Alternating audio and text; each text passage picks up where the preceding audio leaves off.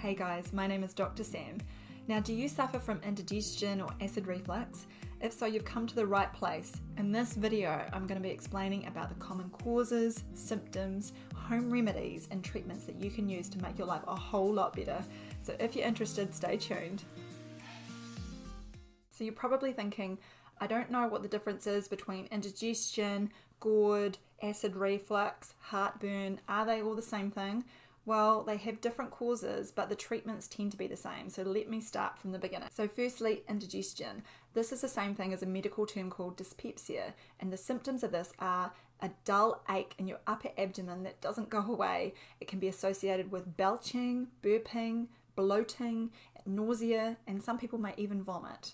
Then you've got number two, which is heartburn, acid reflux, and GORD, which is also called gastroesophageal reflux disease. This is literally the feeling of your heart burning, and it is when the acid of the stomach goes up the gullet, and often you can taste acid into the back of your mouth, and you have a horrible burning sensation, along with a lot of those other symptoms of indigestion. I can hear you asking me, I've got indigestion right now. Why is this happening? What causes the indigestion or acid reflux? Most of the time, it's from too much acid in the stomach leaking up and going into the gullet. But there are lots of causes. So things like um, an ulcer of the stomach can cause it, medications like aspirin, anti inflammatories, antibiotics, prednisone, um, even medicines like digoxin, which is a heart medicine. People who have a hiatus hernia can get them, and also, and a lot of people we never find out why, they just get them and we don't know why. So, what can you do right now if you've got acid reflux? What are some of the home remedies that you can do? Well, really obvious things, but I'm just going to say it anyway, are trying to maintain a healthy weight and avoid smoking. Also, avoid the triggers that cause uh, too much acid. So, avoiding caffeine, alcohol, spicy foods, acidic foods like tomatoes and fruit juice, and avoiding peppermints trying to wear loose fitting clothing, so tight fitting clothing will make things feel worse, eating small meals more frequently, raising the head of your bed up about 30 centimeters um, can really help.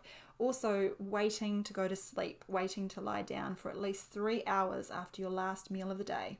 If you're thinking, that was a huge list and I've still got acid reflux, what can I do next? Okay, Unfortunately, lifestyle methods don't always work, but there are three main treatment groups you can try to help with your acid reflux. The first thing is antacids, and they help reduce the acidity in your stomach and often coat your lining of your stomach with this floating layer that means the acid can't actually slip up up your gullet and cause that burning sensation and just help you feel generally better. Examples of these are Quick-Eze, Mylanta, Gaviscon, and you can often buy these over the counter and they're very effective.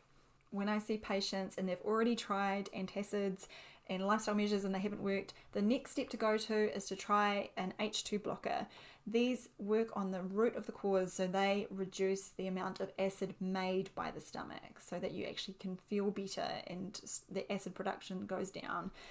Examples of H2 blockers are ranitidine, which is also known as Zantac or PeptiSoothe. Then the third class is the real big guns. These are called the PPIs, also known as proton pump inhibitors, and there are loads of different examples of these, and they work, they're really great medications. However, caution with them. Often, when people start taking them, they feel great and they're like, oh my god, this feels like a new lease of life.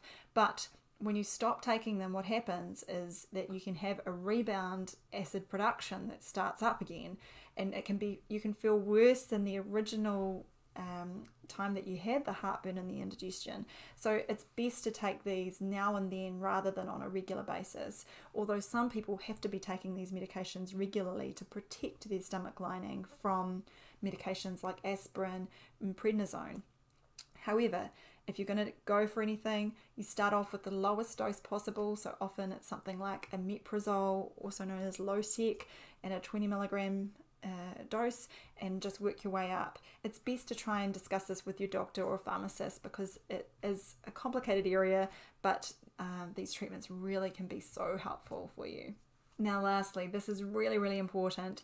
but I have to have my doctor and motherly moment is that if you feel, if you have other symptoms which are warning signs that it could be something else and more serious, are if you're having unexplained weight loss, if you're having trouble swallowing and feeling like things are getting stuck, if you're vomiting blood, if you're having bowel motions, stools that look black and sticky, or noticing blood in the motions, if you've got a family member who had uh, a stomach cancer at a young age, these are all warning signs that you need to go and see your doctor for proper tests and investigations because it could be something more serious.